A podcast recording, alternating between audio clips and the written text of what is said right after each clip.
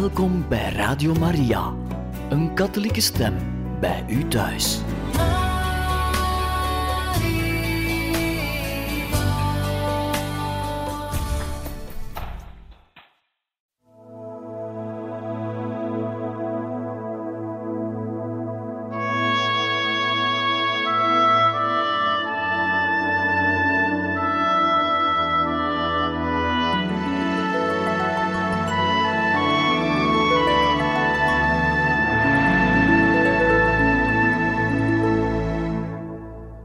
Goede vrienden, luisteraars van Radio Maria. Welkom in het programma Heiligen Getuigen, waarin we u verder voorlezen uit het boek We worden geboren om nooit meer te sterven, het verhaal van Chiara Corbella Petrillo. En we zijn gekomen vlak voor de bevalling van hun derde kindje Francesco. Op 30 mei stonden Chiara en Enrico om half zeven s morgens aan Daniela's huis.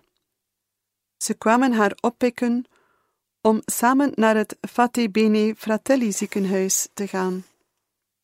Het was de dag van de bevalling. Toen ze aangekomen waren op de Isola Tiberina, ging het stel naar de mis in de kerk van het ziekenhuis. Daniela liet hen achter en zei: Ik zal aan de dingen hier beneden denken denken jullie maar aan de dingen hierboven. Wij maken alles klaar voor de bevalling, en voor de rest doen jullie wat jullie moeten doen. Minder dan een uur later kwam Daniela hen roepen. Het moment was aangebroken om naar de kamer te gaan. Toen ze boven waren bij de verloskamer, baden Enrico en Chiara de Louden en Daniela sloot zich bij hen aan. Hoe vreemd, dacht ze, toen ze om zich heen keek. Het was de plaats waar ze elke dag kwam om te werken, en nu was zij daar aan het bidden. Maar met deze twee werden veel vreemde dingen normaal. Francesco werd geboren met 37 weken nauwelijks een paar weken voor het einde van de zwangerschap. Het was een spontane bevalling, zonder complicaties. Het kindje was prachtig. Enrico en Chiara waren gelukkig. Als hij niet in hun armen lag, keken ze hem verrukt aan terwijl hij in zijn wiegje lag. Voor Chiara leek het een droom om wakker te worden en Francesco daar te zien, zo dicht bij haar. Ze schreef: De bevalling verliep traag, kalm en zacht. In de verloskamer was de sfeer heel rustig. Ik was er, Enrico, Daniela en de vroedvrouw. Na een paar keer persen kwam er een klein schreeuwertje met een donkere huid ter wereld die zich aan mij vastgreep en begon te zuigen. Dit was het grote geschenk waarvan ik afstand had moeten doen bij Maria en Davide. Ik was zo gelukkig dat ik hem kon geven wat alle mama's in natura aan hun eigen kinderen geven om hen sterk te maken. Ik wist dat dit mijn taak was op dit moment. Ik moest niets meer doen of niets minder. Ik moest hem enkel geruststellen, hem voeden en hem voorbereiden op de ontmoeting met de buitenwereld. Ik was bang dat ik na de ingreep geen kracht zou hebben om Francesco vast te houden en dat hij zich verlaten zou voelen, hij die al zo gevoelig was en zoveel fysiek contact nodig had. Die avond hulden Enrico en ik samen in stilte. We wilden nooit van elkaar gescheiden worden. We wisten niet wat ons te wachten stond. Chiara moest opnieuw geopereerd worden om haar lymfeklieren te reinigen. De ingreep die in maart begonnen was, moest zo snel mogelijk worden afgerond. Misschien zou ze Francesco onmiddellijk na de operatie borstvoeding kunnen geven. Dat was niet uitgesloten. In ieder geval had ze al gevraagd aan Elisa, de vrouw van Angelo, en Lucia, een andere vriendin die onlangs bevallen was, om haar als het nodig was te vervangen voor deze taak. Ze had hun gezegd dat ze daarmee heel blij zou zijn. Van haar kant had ze besloten om de pilletjes om de borstvoeding af te bouwen niet op voorhand al in te nemen. Voor Elisa en Lucia was het een ontroerende vraag. Chiara's nederigheid was buitengewoon. Hoeveel moeders zouden hetzelfde gedaan hebben? Niet voor bezit kiezen in een situatie waarin het meer dan legitiem was. Voor de bestwil van je eigen kind aanvaarden dat iemand anders hem met deze spontaniteit en natuurlijkheid kon geruststellen, die ze zelf niet uit de eerste hand kon garanderen tijdens de dagen die volgden op de geboorte, herinnerde Lucia zich. Chiara was bereid om zo ver te gaan als ze kon voor Francesco's bestwil, en ze slaagde daarin. Voor de twee vrouwen was het ook een beetje een vreemde situatie. Het kindje van iemand anders borstvoeding geven bracht hen in verlegenheid. Maar toen Chiara een dag na de bevalling vroeg om te helpen bij het geven van de borstvoeding, zodat Francesco, die nog honger had, rustig zou slapen, verdween de schaamte meteen. Het geluk op Chiara's gezicht toen ze hem tevreden zag drinken, en de eenvoud waarmee ze hen Francesco's voedsters noemde, deden nu en later elke angst weg hebben. Chiara had de limiet van haar lichaam, die haar op een kruispunt had gezet, helemaal aanvaard. Als ze de keuze om zich te laten behandelen had laten prevaleren op de keuze om de baby op zijn tijd geboren te laten worden, dan zou haar lichaam, in harmonie met haar geest, haar hebben tegengehouden om zichzelf te geven in plaats van haar vooruit te duwen. Chiara had begrepen dat zichzelf zijn de enige manier was om lief te hebben. Ze aanvaarde haar lichaam ook nu, met het onvermogen om Francesco te voeden. Twee dagen voor de operatie, de avond van de eerste dag van juni, was Chiara stil. Het gesprek met de chirurg over de risico's, mogelijke uitkomsten en evoluties van de operatie hielden haar bezig en maakte haar bang. De sfeer was gespannen. Toen Lucia in het ziekenhuis aankwam, vond ze haar zittend op haar bed met Francesco in haar armen. De lichten waren gedoofd. De dokter had gesproken over spierkrampen in haar schouder en over een mogelijke tracheotomie, een luchtpijpsnede. Enrico was buiten. Chiara opende haar mond enkel om aan Lucia te vragen om Francesco borstvoeding te geven. Ze gaf hem aan haar. Ze ging liggen, maar het lukte haar niet om te slapen of te rusten. De stilte werd enkel verbroken door de honger van het kleintje. Op 3 juni onderging Chiara de ingreep. 69 dagen waren gepasseerd sinds de eerste operatie. De ingreep moest voortgezet worden. Naast de reiniging van de lymfeklieren moest ook de wond op haar tong gecontroleerd worden. S'morgens vroeg verliet ze de afdeling gynaecologie, vergezeld door Enrico. Francesco lag in haar armen.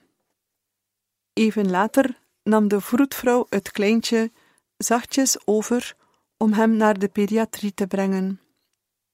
Chiara huilde. Het deed haar veel verdriet om haar kindje te moeten achterlaten. Enrico en Chiara keken elkaar aan en namen afscheid. Ook Daniela was erbij op dit ontroerende moment. Daarna ging ze naar de operatiezaal. Chiara werd voorbereid op de operatie. Haar vriendin Elisa, die getuige was geweest van deze scène, vergezelde haar naar de verdieping van de chirurgie. Chiara glimlachte van onder haar laken.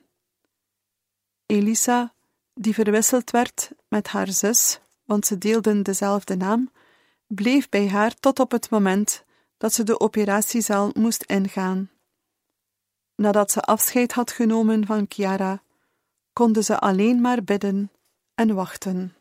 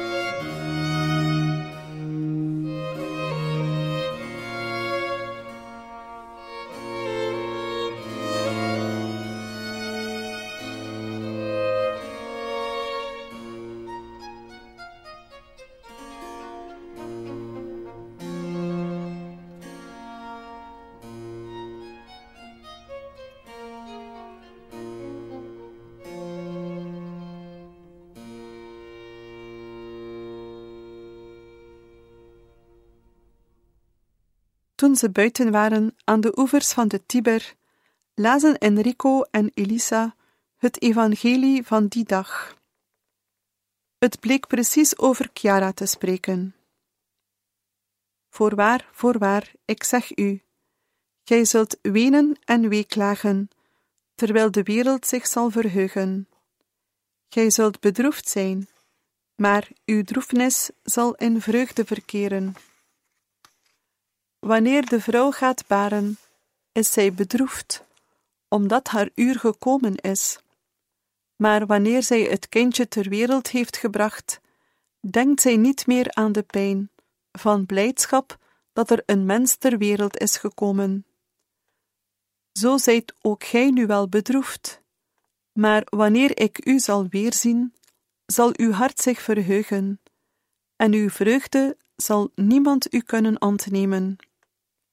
Op die dag zult ge mij over niets ondervragen. Uit het Evangelie volgens Johannes, hoofdstuk 16, vers 20 tot en met 23. Het was een stuk evangelie dat troostte, dat kracht wekte. Het deed Enrico onmiddellijk terugdenken aan de louden van diezelfde ochtend. Hun droefheid verander ik in blijdschap, ik troost hen en geef hun vreugde na verdriet. Uit de profeet Jeremia. Instinctief dacht hij dat zijn vrouw zou genezen, dat alles na de operatie ten goede zou keren, zoals men het menselijkerwijs kon inbeelden. Maar het woord droefheid suggereerde aan zijn hart een diepere waarheid, die hij nu nog niet kon herkennen, maar die in de herinnering van zijn hart zou blijven.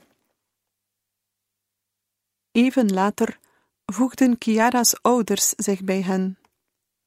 Samen liepen ze het ziekenhuis weer in en gingen ze naar de kapel om te bidden. Het wachten was moeilijk. Om hun wachttijd te verlichten, stuurde Daniela berichtjes. Ook deze keer stond ze naast haar vriendin in de operatiezaal, met zoals altijd de rozenkrans in haar hand. Haar woorden gaven hoop. Eerst was er het goede nieuws over Chiara's tong. Die was zuiver. Later sloten zich nog andere mensen bij de groep aan, waaronder ook Elisa, Chiara's zus. Ze bleven verder bidden, deze keer op een bankje buiten het ziekenhuis. Verschillende uren gingen voorbij voordat Daniela hun de provisorische resultaten van de biopsie meedeelde. De lymfeklieren toonden geen sporen van de ziekte. Er was maar een deel van de lymfeklieren onderzocht, maar het was al veel. Iedereen was emotioneel. Als de resultaten bevestigd werden, zou dat het vooruitzicht helemaal veranderen. Chiara zou zelfs chemotherapie en radiotherapie kunnen vermijden. Op het einde van de ingreep bleef Daniela bij haar vriendin en wachtte ze tot ze ontwaakte.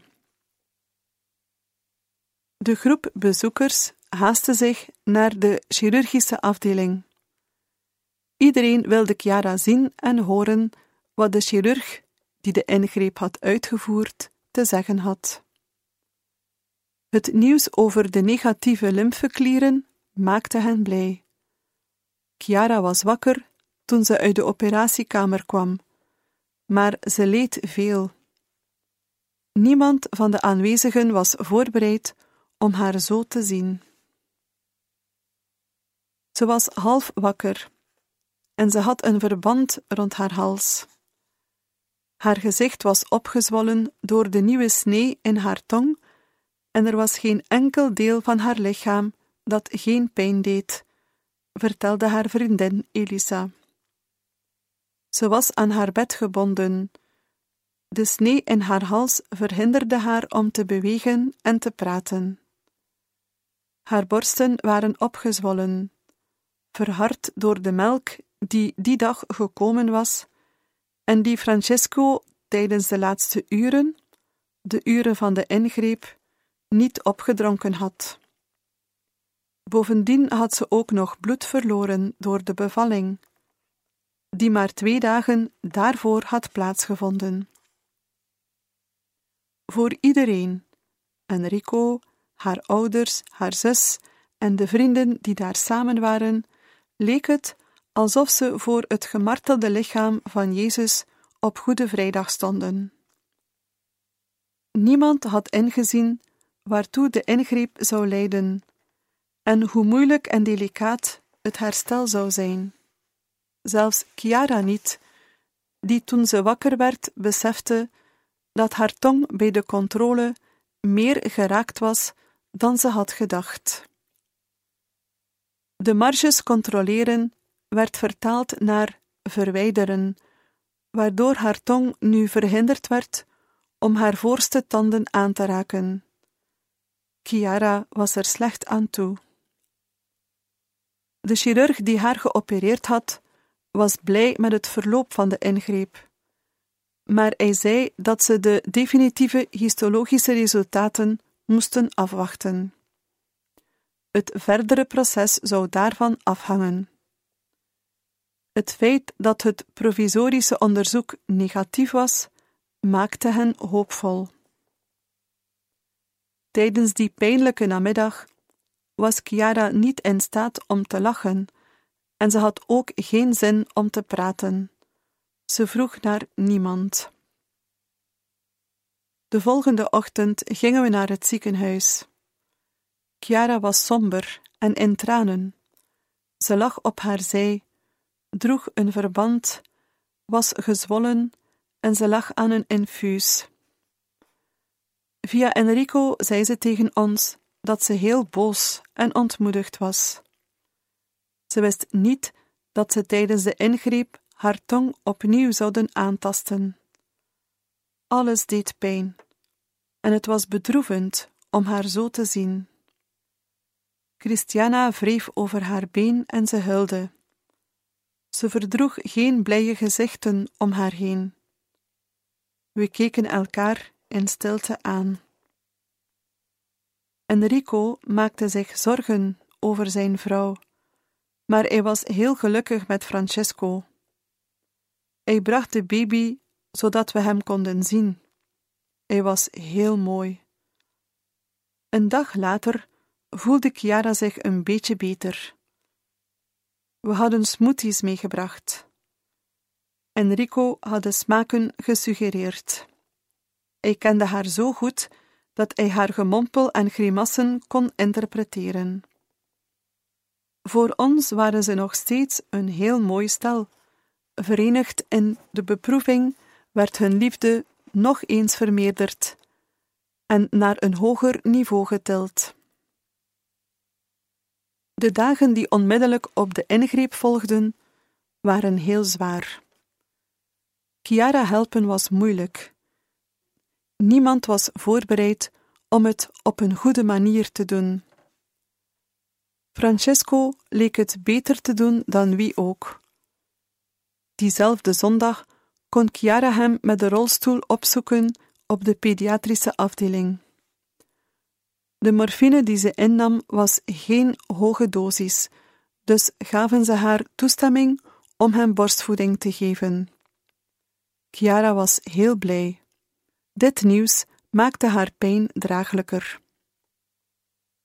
Pater Vito zei dat een lichaam zoals dat van Chiara, zoals dat van Jezus, gekwetst, doorboord, bloedend, ons laat zien dat we niet leven omdat wij ademen, maar omdat we lief hebben.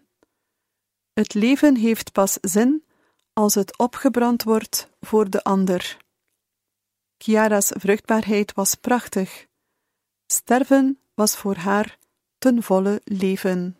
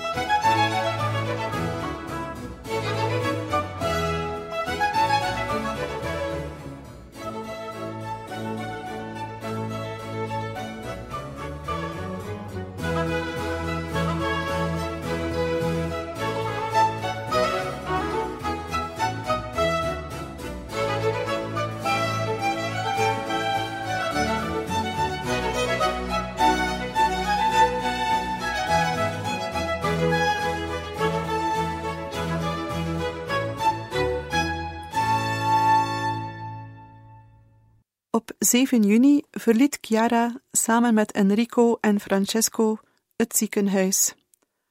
Ze was emotioneel en blij. Ze zei dat zij en haar man eindelijk zouden proberen om voltijds ouder te zijn. Het was de eerste keer dat ze de afdeling verlieten met een kindje in hun armen. Die periode beleefden ze op een manier die het dagelijkse leven van een normale familie benaderde. Voor de eerste keer werd Chiara thuis in beslag genomen door een klein kindje. Het was heel mooi om nu, zoals alle ouders, te kunnen praten over de kleine probleempjes van hun kindje. Zij en Enrico beleefden hun eerste slapeloze nachten, hun eerste wandelingetjes met z'n drieën. Tijdens een van die wandelingen namen ze Francesco mee naar zijn broertje en zusje op het kerkhof. Daarna, op 15 juni, kwamen de resultaten van het definitieve histologische onderzoek. Twee van de zestien onderzochte lymfeklieren waren positief. Ze waren door de ziekte getroffen en toonden niet alleen tekenen van de kwaadaardigheid, maar ook van de sterke agressiviteit van de tumor. Het waren Daniela en Massimiliano die het aan Chiara vertelden. Het was op een donderdagavond en het was laat. Ze dronken samen thee en daarna vroegen de twee vrienden aan Enrico om zijn gitaar te pakken en een liedje te zingen. Hij koos een lied dat toegewijd was aan de Maagd Maria. Toen het liedje ten einde was, vertelden zij hen het nieuws. Chiara zou met chemo- en radiotherapie moeten starten, waardoor ze de natuurlijke borstvoeding zou moeten staken. De Petrillo's bleven lachen op een zachtmoedige manier. Het was een zware zomer, maar ze gingen de confrontatie aan door volledig te vertrouwen op God en zijn plannen. Chiara gaf Francesco bijna tot aan het einde van de maand borstvoeding. En daarna ging ze op 29 juni naar Foligno voor een PET-CT-scan, een onderzoek waarbij afwijkingen in het lichaam opgespoord kunnen worden.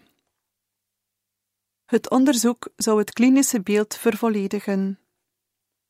Die dag kon ze haar kindje niet zien, omdat ze radioactief was. Het leek erop dat er geen uitzaaiingen op afstand waren. Chiara zou met de behandelingen moeten starten, maar van tevoren zouden ze nog een PEG-sonde plaatsen, een klein buisje in de maag dat de passage van voedsel mogelijk maakt. Omdat de ontsteking die veroorzaakt werd door de behandelingen het slikmechanisme zou kunnen ondermijnen en haar zou kunnen verhinderen om normaal te eten. In werkelijkheid zouden de mondzweren haar vanaf een bepaald moment ook weerhouden om te drinken, omdat het water door de zweren van de slokdarm naar de luchtpijp zou gaan en in de longen zou terechtkomen, wat een zware longontsteking zou kunnen veroorzaken. Op de dag waarop de afspraak voor het plaatsen van de sonde was vastgelegd, 13 juli, kon Chiara niet gaan. Francesco had een paar dagen daarvoor hoge koorts gekregen door een ontsteking. Omdat hij zo klein was, werd hij in het ziekenhuis opgenomen. Het was niet zo erg, en na een paar dagen was alles opgelost. In die periode waren wij in Rome. De Petrillo's hadden ons over de koorts en over Francesco's ziekenhuisopname verteld. Chiara had ons gevraagd om naar het huis van haar ouders te komen om samen wat tijd door te brengen. Ze had een dipje. Ze vond het niet leuk dat ze afstand moest nemen van haar zoon, en ook niet dat hij als baby deze ervaring moest doormaken. Ze was bedroefd en kon niet wachten om naar hem toe te gaan en hem eten te geven. Ze droeg nog steeds een verband. We gingen naar het ziekenhuis. Chiara gaf Francesco eten en toen ze afscheid nam van hem, vulden haar ogen zich met tranen. Ze was teleurgesteld omdat het kleintje hulde en de verpleegster hem uit haar armen genomen had en hem wegdroeg. Tijdens het avondeten vertelde ze ons dat ze zo verlangde naar normaliteit, om even te wandelen langs de kraampjes op de markt, de gewone dingen. Maar ze zei ook dat dat voor hen natuurlijk niet mogelijk was. Chiara liet in de tweede helft van juli de zonde plaatsen. Ze moest het eten rechtstreeks in haar buik inspuiten via een grote injectiespuit. Voor haar ging dat bijna automatisch. Aan tafel zegenden ze het eten en daarna begonnen ze te eten. Enrico en de bezoekers die er vaak waren, deden dat op een normale manier. Zij, door zichzelf iets substantieels via de injectiespuit toe te dienen. Na een tijdje zag ze af van dit systeem en koos ze ervoor om s'avonds de zak met voeding toe te dienen. Elke dag zei ze haar: Heer, hier ben ik tegen God. Op 1 augustus begon ze met de behandelingen in de polykliniek. Vijf dagen per week kreeg ze een bestraling van de hals en om de 21 dagen chemotherapie. Chiara startte de behandelingen in Rome om aan Francesco de aanwezigheid en de liefde te kunnen geven die hij nodig had. Tijdens de eerste dagen was ze heel misselijk. Ze grapte dat ze nu wist wat andere vrouwen meemaakten als ze zwanger waren. Zij had zelf tijdens de drie zwangerschappen geen enkele keer moeten overgeven. Chiara en Enrico besloten om tijdelijk in te gaan wonen bij de ouders van Chiara, in het ouderlijk huis op het platteland. Ze zeiden dat het daar beter was, omdat ze meer privacy hadden en de ruimtes groter waren. Het was ook bevorderlijk voor het samenleven met de familie. De grootouders hielpen hen veel met Francesco. Daar hadden Chiara en Enrico de eerste weken na hun huwelijk ook doorgebracht. De behandelingen duurden de hele zomer door, tot half september. In die periode vermagerde Chiara veel, iets waarvoor ze door de oncologen berispt werd. Haar neus was zo droog dat ze gedwongen werd om het hele huis te bevochtigen, niet enkel de kamer waarin ze sliep. Haar stem werd steeds zwakker, totdat ze er maar moeizaam in slaagde om te praten. Net zoals na de eerste operatie raakte ze een bepaalde periode haar stem kwijt. Later, toen ze weer kon praten, koos ze er vaak voor om te zwijgen. Het was alsof de moeilijke ervaring, die ze met zoveel sereniteit had doorgemaakt, haar had geleerd om de schijnbare nood om tussen beiden te komen in discussies te overstijgen, herinnerde haar vader Roberto zich. Het waren pijnlijke behandelingen, een zware beproeving. De vele bijwerkingen, waaronder het braken en de huid die bloedde, putten haar uit. En toch luisterde Chiara tijdens de behandelingen via haar mp3-speler naar de liedjes die haar echtgenoot had geschreven en gespeeld. Tot aan de vooravond van Francesco's geboorte had zij deze liedjes zelf live met haar viool begeleid. House on the Rock was de naam van het groepje waarin hij samen met een paar vrienden speelde. Mooi en lachend stond ze daar te luisteren naar haar en Enrico's verhaal op muziek. In het ziekenhuis kende iedereen haar, patiënten en personeel. Naast haar echtgenoot vond ze veel troost bij haar zoon, die ze ondanks de vermoeidheid in haar armen hield en zoveel mogelijk zachtjes aaide. Beste luisteraars van Radio Maria, wij beëindigen hier voor vandaag het voorlezen uit het boek We worden geboren om nooit meer te sterven, het verhaal van Chiara Corbella Petrillo. Wij danken u heel hartelijk voor het luisteren en graag tot een volgende keer.